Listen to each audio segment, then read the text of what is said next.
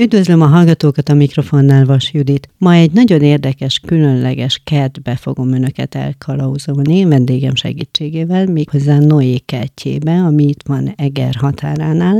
Szeretettel köszöntöm Noé kertjének megálmodóját, alkotóját, Hajdú Leventét. Köszönöm, hogy itt van nálunk. Üdvözlöm a hallgatókat, és hát mindenkit, aki minket hallgat. Adódik a névből az, hogy itt a bibliai történetbe csöppenünk bele ott a kertben, hogyan született meg ennek az ötlete, és pontosan hogyan épül föl maga a kert? Több dolgot kipróbáltunk, most megpróbálom ilyen zanzásítani az egészet. Mi Budapestről jöttünk ide, új életet kezdtünk tíz évvel ezelőtt, egy teljesen ismeretlen helyen, egy Eger Szólát nevezetű faluban, és ez az új élet kezdése után valamilyen szinten a, a gyütmenséget, ahogy Zalába mondják, sikerült beilleszkednünk, megalapoztuk magunknak, mert ugye mi házat építettünk, és onnantól kezdve elkezdtük kutatni, hogy mit lehetne itt csinálni, amihez én értek, amihez van tehetségem, ami, ami kettőnk foglalkozásához közel áll, valamilyen alkotásban gondolkodtunk, ami érdekelti az embereket, csak hogy én nagyon-nagyon szeretem, és most van az, amit még soha nem mondtunk el. Én évekig foglalkoztam a piramisokkal, a piramis energiával, ez egy kicsit spirituális lesz ez a rész, és mi bizony le akartuk másolni a nagy piramis kisebbe, ugyanabban a mintában, úgy hasonló anyagokkal, mint ami Egyiptomban van. Talán tudják a hallgatók, hogy a piramisokban még nem találtak múmiát, tehát az, az egy, azok gépek voltak, azok energiateremtő, gyógyító vagy utazógépek, hát ebből minket a gyógyítás nagyon érdekelt. Ez egy hatalmas projekt lett volna, kb. háromszor annyiba került volna, mint, mint maga a Noé kertje, és ezt azért nem csináltuk meg, mert én azt akartam, hogy hát ugye az egri borvidéken elég nehéz szaharai környezetet varázsolni, azért nem csináltuk meg, mert nem tudtuk megkötni valamilyen anyaggal a homokot, amiből hatalmas mennyiséget hordtunk volna oda, hogy ne fújj el a szél. Ez az egyik probléma. Tehát kicsit mókásan hangzik, és utána akkor hagyjuk ezt, mert ez túl nagy, nagy falat lett volna, és utána jött az, hogy mindenféleképpen vallásos történet legyen, mindenféleképpen ne csak egy rövid, nagyon vékony kis olyan embert érintsen meg, aki mondjuk idősebb. Tehát, hogy az a lényeg, hogy minél több korosztályt megfogjon ez a történet, és akkor, akkor jött valahogy bevillant, és azóta vitatkozok az én párommal Zsuzsával, hogy ővé volt az ötlet, hogy ez enyémé. Úri ember leszek, és azt mondom, hogy ez az ő ötlete volt. Amúgy is mindig a feleségnek e, igaz. Ez igaz, ez igaz. Ha vacsorát akarok, akkor egészen biztos, hogy neki mindig igaza van. Szóval szerintem akkor ő találta ki. Mi mindig úgy csináljuk, hogy felét én adom, felét ő és így jön össze az egész. És akkor utána elindultunk ezen az úton. Nagyon fontos, mi nem vagyunk vallásosok, de van hitünk. És ez a hit valamilyen szinten, ez az isteni segítség, ez végig, végig érezhető volt a parknak a, a, az elkészítésén. Bizony az van kiírva egy kis tájékoztató táblán a park elején, hogy két ember szerelméből született ezernapos munka által. Ez már 1300-ban van most már, tehát három és fél évet biztos, hogy dolgoztunk, és csak ebben foglalkoztunk, és csak mi ketten csináltuk. Ezt szoktuk reklámozni a kis üzletünkben, amin keresztül mennek a vendégeink, és hát a fele az biztos, hogy nem hiszi el. Tehát így ránk néz, hogy itt van két ilyen ember, ilyen erősen középkorú, én inkább fiatalos vagyok, mert még csak 55 vagyok, szóval ránk nézek, és hogy persze, persze elhiszük, hát jó van, ha így mondják, akkor biztos úgy van. Mhm. Én elhiszem. Jó, nagyon szépen köszönöm. Elhiszem, hogy önök építették fel a bárkát, illetve az állatokat, de azokat különböző anyagból alkotta meg. Pontosan mely anyagok ezek? Legalább tucatnyi, de, le, de azt is mondhatom, hogy 20 fajta anyag van. Alkotóként, szobrászként nem tudtunk bemutatni bronz és kőből készült alkotásokat, mert időhiányába, illetve anyagi hiányába az egész park a saját, saját finanszírozásunk.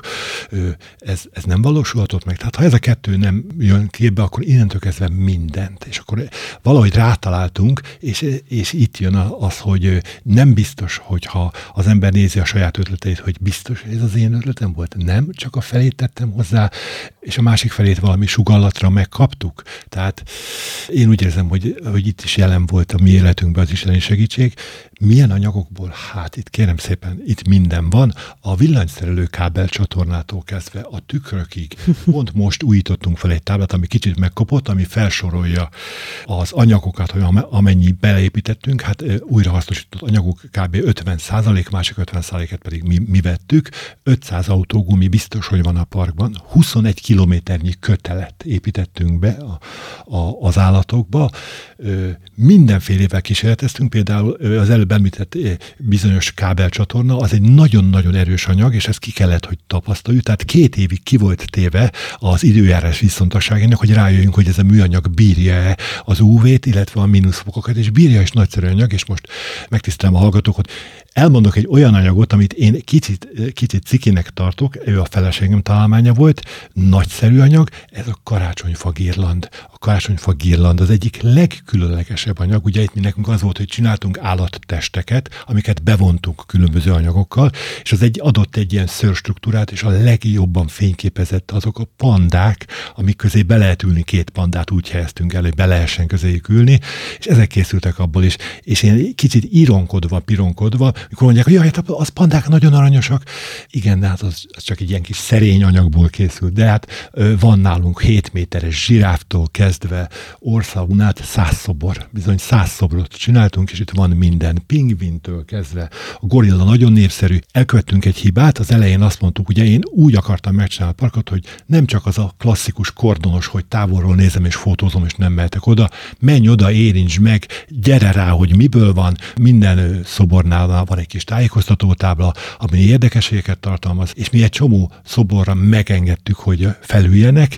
Hát ez bizonyos karbantartási problémákat felvetett utána, mert ugye hát mindenre ráültek, és ők nem tudták, hogy, hogy az nem annyira bírja el. Na most innentől kezdve váltottunk, és kionírva kb. 5 vagy 6 szoborra, ami több száz kilót elbír, tehát akár egy csoport is rámet, ilyen például a nagy galápagoszi teknős, ami egy ilyen két méteres páncéllal rendelkező nagy félig meddig beton szobor, az ilyen nagyon erősekre megengedjük, és ki van írva, hogy nyugodtan üljenek fel, és ki is használják. Tehát már eleve úgy jönnek a vendégek, hogy jaj, itt rá lehet ülni. Persze. Én azt mondhatom, hogy ami nincs lefotózva, az nem létezik. Tehát a fotó a minden, és én elbüszkélkedhetek avval, hogy nálunk minimum 20 és 70 fotó között készítenek az emberek képeket. Mm. Tehát, Méretben mennyire valósághűek az állatok? Igen, igen, igen. A méretnél pontos méreteket akartam, tehát ez úgy készült, hogy az elején bizonyos vektorkép alapján méretarányosan megnéztem például, hogy mekkora a legnagyobb gorilla. Persze én egy picit azt szoktam mondani a feleségemnek, hogy annyiban hasonlítok ahhoz a bizonyos második világháborút kirobbantó kis bajuszos osztrák festőhöz, hogy ő is azt szerette, hogyha grande. Tehát én is azt szeretem, hogyha minél nagyobb. Tehát nagyon kellett vigyázni a méretarányra, mert hajlamos voltam nagyobbat csinálni. Minden megfelel méretaránynak, egy-kettő egy picivel nagyobb, illetve egy picivel kisebb. Hát, van mamutunk, az kisebb, mint amilyen ki, van kis mamut, van nagy mamut, a zsiráfunk az, el, az eléri a 7 métert, az országunk nagyon arányos. Én azt mondhatom, hogy nagyon arányosak, viszont most van egy új szobrunk, amit január óta csinálni, már előtte beharangoztam, azt mondták a vendégeink, mi mindig kérdezzük, hogy mire van még szükség, milyen ötlet. És akkor mondják a gyerekek, hogy bácsi, csináljál polipot. Hát mondom, polipot nem mentett meg Noé, tehát halakat az, az eleve, eleve nem.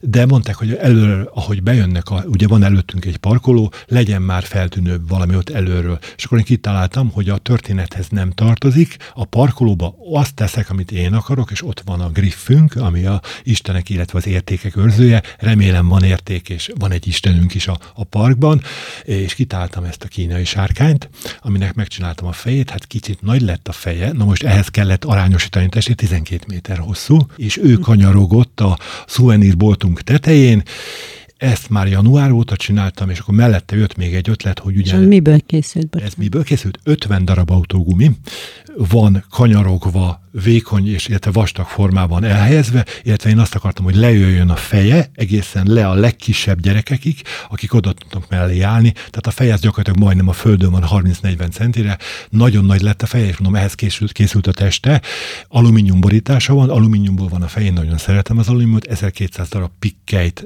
vágtam ki, az készült rá, és szerintem jól sikerült, na de beszéltünk az előbb az arányokról, közben jött egy ilyen ötletem, hogy mi lenne, hogyha most valamit magamnak is csinálnék, ne csak a köz javára, és akkor mondom, hát a parkolóba bármit be lehet tenni, már nagyon vágytam egy kentaurra, de mondom, hogy hagyjuk a kentaurt, most csinálok egy autót. Most beállítunk egy autót a parkolóba, és utána néztem, hogy van-e például autógumiból, autógumi feldolgozásából készült, rengeteg fajta szobrot csinálnak, de autó nincsen. Tehát ez teljesen egyedi.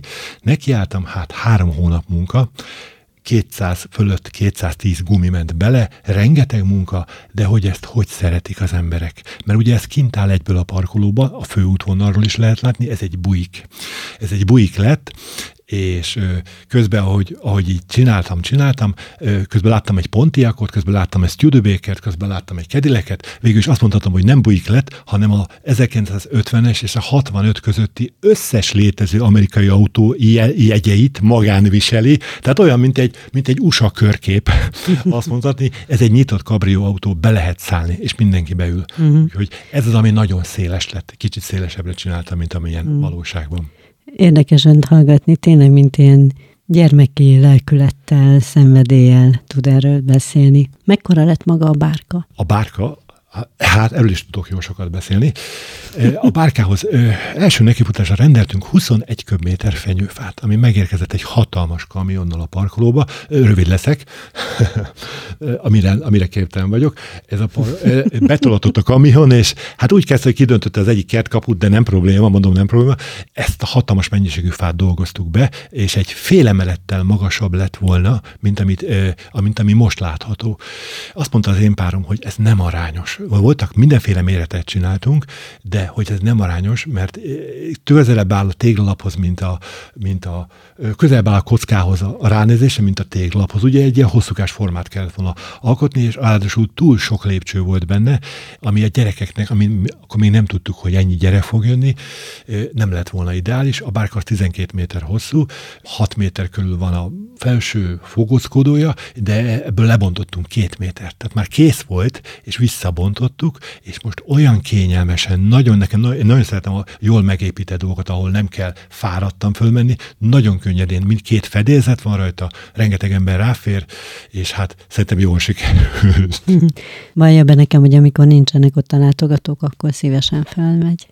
Magának olyanokat fogok bevallani, hogy még senkinek, már is mondom, amikor megérkezünk, ugye nálunk van egy-két kisebb állat hátul, élő állatról beszélek, ezek nyulak, amiket a gyerekek kedvére kellett hátulra, van egy kis úgynevezett hogy pagoda, akkor megyek fölletetni, ez egy 160 méteres sétány, amint fölle kell sétálni a kert legvégébe vannak, mindenkihez van egy szavam, mindenkit megérintek, de már ott tartok ebben a, hogy gyakorlatilag a lelket varázsolok, a lélek nélküli anyagba, hogy a bujikot, ahogy hajtok be, meg szoktam érinteni. Tehát már az autóhoz is beszélek, a sárkit, a sárkányt nagy kínai sárkányt mi sárkinak becézzük.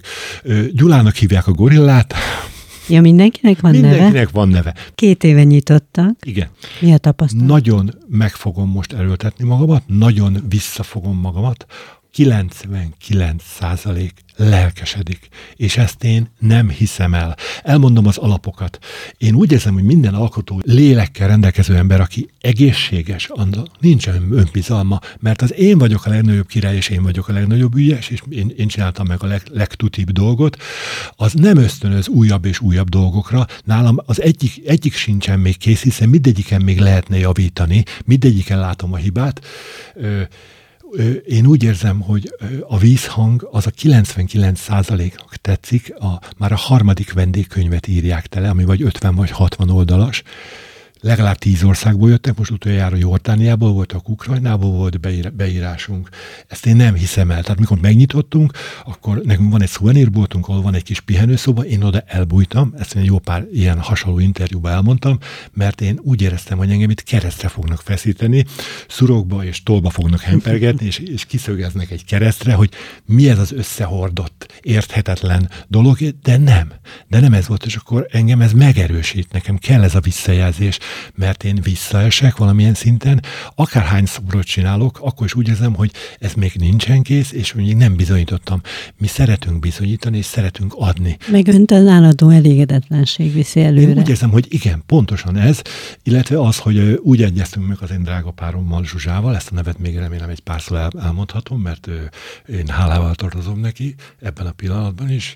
Szóval úgy egyeztünk meg, hogy ő legszigorúbb kritikus lesz, mert ez nem két forintba került, ez az egész dolog, és a legelső, ami teljesen egyszerű madárszobrok, nagyon sok madarunk van, mindenféle fajta, ha azt mondja, hogy figyelj, ez a futottak még kategória 50%-ban jó, hagyjuk ezt, felejtsük el, ez nem jó.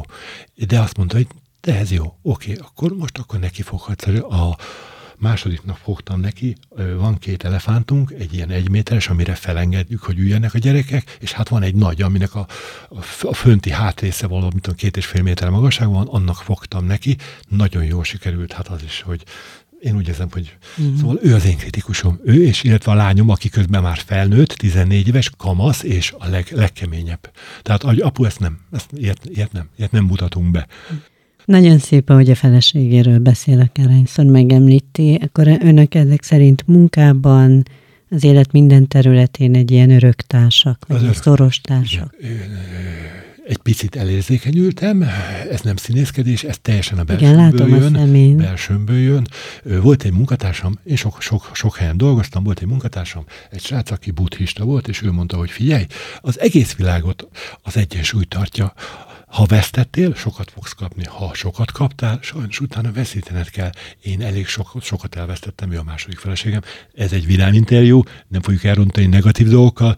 Ö, amit elvesztettem, ő visszaadta mindenestől, rövid idő alatt. Tehát innen is köszönöm neki, hogy így létezik. És a munkában is, vagy legalábbis ebben az alkotói folyamatban is, magában az alkotásban is a társa önnek. Van-e ilyen egyébként Noé Ketyhez hasonló, akár az országban, akár a világban? Jó pár interjúban elmondtam, hogy úgy nézzenek ránk, hogy mi biztos, hogy nem vagyunk normálisak, mert ilyet normális ember nem csinál. Ez egészen biztos. Hála Istennek meg tudjuk tartani a, a, a kis ö, romantikus ö, sírós rész utána vissza tudjuk nyerni a humorunkat. I- ilyen, ilyen nincsen. Tehát én nem nagyon hallottam. Van egy nagyon-nagyon tehetséges srác, aki gumival foglalkozik. Azt hiszem ő talán villanyszerű, valahol Mohács környékén alkot, de ilyen töménységben ennyi fajtával nem, nem nagyon. És ráadásul az autó az meg most teljesen, az egy hatalmas unikum, és én picit szégyelve azt, hogy megcsináltam ezt az autót, miért pont ez annyira, tehát nem annyira népszerű, mint maga az Isten szobor, bár annak még hiányzik, hiányzik róla egy legalább két hetes munka, mert az egyik keze még nincsen kész, de hogy az autóért mindenki oda van, hát az, az, az, az, az nekem teljesen lenyűgöző. Az Isten szoborral még vannak terveink, mert mostanában ennél mindig kérdezik a vendégek, hogy mi lesz még, lesz még valami? És akkor én mondtam, hogy hát igen, még uszadékfából nincsen szobrunk, az nagyon nagy kultúrájában például az usa a nagyon göcsötös uszadékfából, úgyhogy megígértem a feleségemnek, hogy egy zebra még lesz uszadékfából, Kentahu szobor nincsen Magyarországon, Griffith csak három van, nekem van egy, van még egy a Farkaséti temetőben, még valahol egy templomba, de csinálni fogok egy, egy Kentaur szobrot, az beltérre, arra még vágyom, és akkor utána egy picit szeretnénk elfordulni, kicsit a misztikum felé, mert az Isten szobortól én olyasmiket remélek, mint amit a interjú elején mondtam a, a piramis parkkal kapcsolatban, hogy de jó lenne, hogyha ezt tudna valamit, többet adna, mert mi nagyon szeretünk adni, nagyon szeretünk adni az embereknek. Szeretném, hogyha ez a szobor ez picit beindulna, és ezt most a hallgatóknak, mondom el először itt ezen a helyen, hogy nagyon úgy tűnik, hogy hosszas kutatás után, és ez is a valláshoz kapcsolódik meg a hitünkhöz, hogy nem véletlen, hogy mi erre helyre jöttünk, nem véletlen, hogy mi ezt nekünk meg kellett, hogy csináljunk, nem véletlen, hogy ennyi anyag, hát tonna számra építettünk be vasat, hogy ezt mi nekünk meg kellett csináljunk, és vég azon, azon járt az eszünk, hogy miért mi, miért itt, és miért, mi, mi, mi miatt készült ez az egész, hogy mi a küldetés? Nem szeretnék erre a szinten lemenni, hogy hát ez csak egy ö, ö, üzleti vállalkozás, meg egy ilyen-olyan. Szeret többet kihozni, és nagyon úgy tűnik, hogy talán ismerik a hallgatók, hogy hallottak a lej vonalakról, illetve a Szentgyörgy vonalakról. Ez egy energiahálózat, ami az egész földet behálózza, és nagyon úgy tűnik, hogy mi egészen pontosan a szobrot erre a helyre építettük, ami egy vonal. De ezt nem tudnák előre? Ezt nem tudtuk előre. Erre az országban csak egy-két ember képes, hogy ezt ki tudja mérni. Mi ezt nem tudtuk előre. Ez egy újabb bizonyíték arra, hogy miért vagyunk itt, miért csináltuk. Ez a vonal, szakrális helyek, Stonehenge-től kezdve Angkorvatig, a, a mexikai, egyiptomi piramisok, ezek mind, vagy az Ausztrál, a nagy vörös szikla, ezek mind ezen a vonalokon helyezkednek el, és állítólag az ősi időkbe, úgy mondják, hogy a történelem előtti időkbe használták különböző dolgokra ezeket a vonalakat. Hát, hogyha ez igaz, tényleg igaz, és ö, szándékunkban áll hegyi kristályokkal kicsit felturbózni a szobor belsejét, hát hogyha fog tudni még valamit nyújtani nekünk, illetve a vendégeknek. Én ezt folyamatosan fogom tesztelni, és hogyha ha lesz valami, akkor az, én azt egyből világá fogom kürtölni. És mikorra lesz kész a szobor, hogy tervezi? Ö, Hát, mintha a feleségemet hallaná.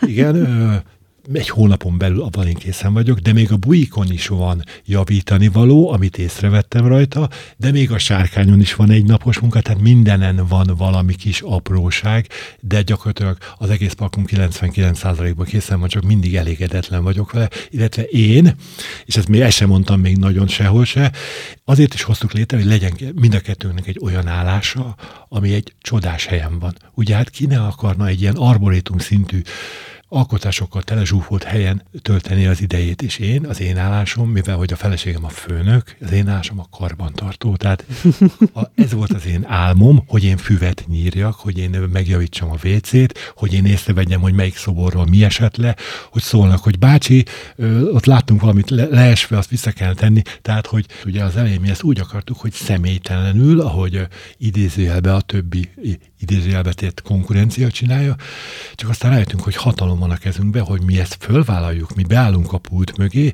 és ezt reklámozzuk is, hogy amikor bejönnek hozzák a vendégek, és nem ismernek, akkor mi ezt mindig elmondjuk, hogy mi vagyunk azok, akik csinálták, és akkor és ez egy plusz ad, ad az embereknek, úgyhogy én az elején nem akartam felvállalni, hát adjuk hozzá az arcunkat, és akkor utána kaptuk a tanácsokat a csodálatos vendégeinktől, hogy igen, jó, akkor ezt maguk ezt nem használják ki ezt teljes mértékben, készítsenek saját gyártású szuvenéreket, és akkor utána jött az új korszak, a múlt év felétől nekiálltunk bonzájt gyártani, rájöttem, hogy tudok bonzájokat csinálni, rengeteg bonzájunk van, imádom őket, nekiálltunk különböző hűtőmágneseket gyártani, amit szintén csinálunk az otthoni műhelybe, mink van még? Ja, és rengeteg sok ilyen hűtőmágnes szobrunk amit szintén mi csinálunk. Úgyhogy szerintem ez egy plusz, plusz örömforrás, vagy plusz érdekesség, hogy akik csinálták, azoknak még tól még egy pici szeletet, egy pici morzsát el is lehet vinni a emlékbe. Az állatszobrokat önkészíti a két kezével egyedül? Igen, de, de az van, hogy az ötlet fele legalább a Zsuzsái fele legalább a felét ő találta ki. Én csinálok meg gyakorlatilag 900%-ban mindent, de a felét ő adja, az ötlet felét ő adja, ő találja ki az új anyagokat, ő találja, hogy melyik fajta állat lenne érdekes. Hát ez gyakorlatilag ez egy ilyen így működünk együtt. Közös munka. Közös ez munka. év minden napján tud dolgozni, vagy időjárás függő is? Hát ez elég időjárás függő. Ebbe a sárkányba, meg ebbe az előbb említett már nem tudom, hanyatszor említett bújikba már nagyon beleszerettem, úgyhogy ezt már január végén elkezdtem a mínuszfokba, ugyanis ez olyan nagy, hogy ezt nem lehet, ja, azt nem, nem említettem, hogy minden szobrot az Egerszóláti műhelyünkben csináltunk, és például a zsiráf is három részre volt szedve, és úgy lett összerakva, de ezt az autót, ami több száz kiló, illetve ezt a sárkányt azt ott kellett csinálni a helyszínen, mert rá kellett építeni a bolt tetejére, tehát itt kőkeményen elkezdtem a mínuszba, és akkor, ahogy körülnéztem, hoppá, már április van. Már nyitunk, úgyhogy valamit ott kellett csinálni, például az, a Galapagoszi teknősnek a, a páncélzata, az kb. 300 kiló, azt is ott kellett, hogy öntsük, de bizony mindent, hát a szobrok 80 százalékát azt 80 darabot azt otthon csináltuk, és onnan hoztuk ki, kőkeményen terautóval, utánfutóval, darabokra szedve, Szóval... Melyik volt egyébként, a, most az autót leszámítva, tehát az állatokra visszatérve a legidőigényesebb, energiaigényesebb, macerásabb szobor? Ez a legjobb kérdés. Mert amire azt gondoltam, hogy hát nekem ez semmiség lesz, az lett a legnehezebb a nagy elefántunk, hát elefánt jó nagy, én kitáltam egy olyan módszert, hogy alumíniumból készült, eleve maga a súlya is kb. olyan 500 kiló lehet, Eh, hogy eh, a külső borítása úgynevezett foltos, az azt jelenti, hogy úgy képzelje el a hallgató, mint hogyha két tenyérnyi alumínium foltokat vágok különböző formába, és ezeket elkezdem, mint a foltokat, ezt a technikát akartam alkalmazni, ami annak idején a szép emlékű sportszelet belső részén az összegyűrt fólia adta, ezt a hatást akartam elérni, de itt szegecselni kellett, és ezeket a foltokat, amire én azt gondoltam, hogy 5-6 szegecsel körbevarrom, az egész aztán kiderült, hogy egy foltot kb. 50 szegecsel kell, és így lett benne 6000 szegecs. Ez ki van írva nálunk egy, egy információs táblára, ott a, az állat mellett, hogy egy német gyártású középkategóriás autóban 2000 szegecs van, míg ebben az elefántban 6000. Tehát az, az egy hatalmas munka volt, illetve a Cobra, mert ott az gumiból készült, ez 10 méter hosszú, azt akartam, hogy a Kis Butha című filmben látott, azt hiszem, Kis Buthában volt. Igen, a Kis Buthában volt Keanu Reeves a főszereplő.